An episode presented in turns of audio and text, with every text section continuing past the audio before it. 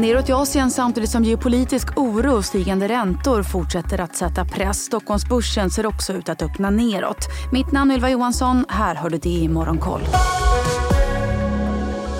Ja, det är försiktigt ner på Hongkongbörsen. Även börsen i Fastlandskina backar svagt efter att Kina lämnat låneprimräntan på både ett och fem års sikt oförändrade i oktober. Samtidigt uppges centralbanken PBOC ha pumpat in rekordstora mängder pengar i det finansiella systemet. Kina, som ju är världens största exportör av grafit som används i batterier till elbilar kan också komma att införa exportrestriktioner på vissa grafitprodukter från och med 1 december för att skydda nationella intressen enligt landets handelsministerium. Och I Japan steg kärninflationen med 2,8% i september i årstakt vilket är något högre än väntat men lägre än månaden innan. Det är också 18 månaden i rad som inflationen kommer in över Japans inflationsmål på 2% Tokyobörsen backar svagt. Den japanska yenen försvagas samtidigt och närmar sig återigen 150 mot dollarn. Bland bolagen så stiger läkemedelsjätten Daiichi tvåsiffrigt på Tokyobörsen efter att ha presenterat ett kontrakt värt 22 miljarder dollar med läkemedelsjätten mark.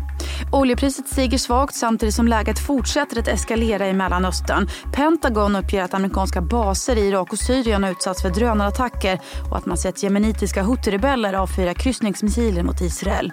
Brentoljan kostar återigen 93 dollar fatet och guldpriset, som ju är en så kallad säker hamn i oroliga tider, fortsätter också att stiga och börjar nu närma sig 2000 dollar per ounce.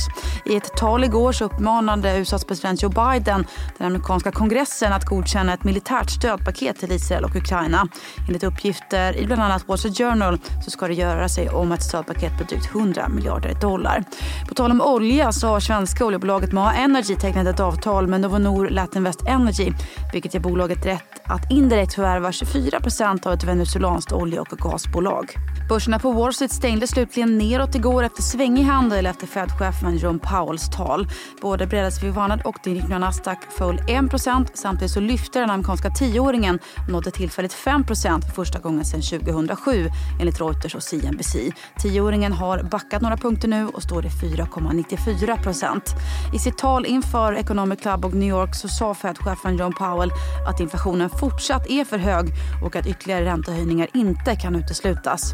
Marknaden har nu dock i princip helt prisat in att Fed kommer lämna räntan oförändrad vid novembermötet enligt CMI Fedwatch Tool. Tesla rasade 9% efter sin rapportmiss. Samtidigt så uppges eh, Tesla-grundaren Elon Musk överväga att ta bort möjligheten att använda X, tidigare Twitter, i Europa till följd av nya regleringar i EU. Netflix däremot rusade 18 efter att ha rapporterat sin bästa användartillväxt på flera år.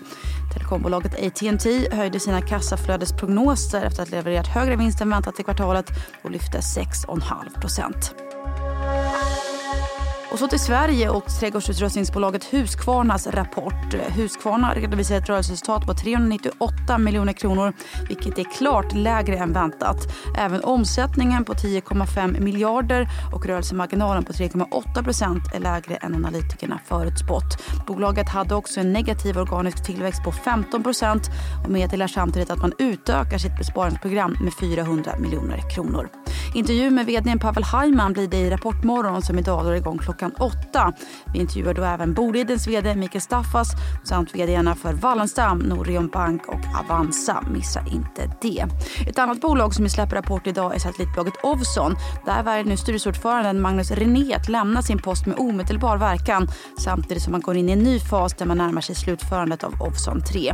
René ersätts av styrelseledamoten Regina Donato Dahlström fram till nästa årsstämma. Och så har PC-versionen av Paradox Spel Cities Skylines 2 som släpptes på embargo igår för spelkritiker överlag fått positiva omdömen.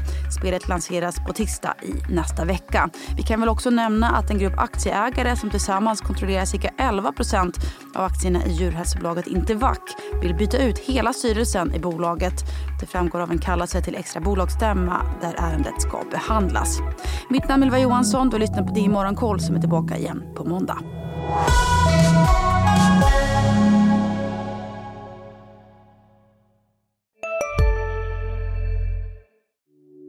Hej, Ulf Kristersson här. På många sätt är det en mörk tid vi lever i. Men nu tar vi ett stort steg för att göra Sverige till en tryggare och säkrare plats. Sverige är nu medlem i Nato. En för alla, alla för en. Vi är specialister på det vi gör, precis som du. Därför försäkrar vi på Swedea bara småföretag, som ditt. För oss är små företag alltid större än stora och vår företagsförsäkring anpassar sig helt efter firmans förutsättningar. Gå in på swedea.se företag och jämför själv.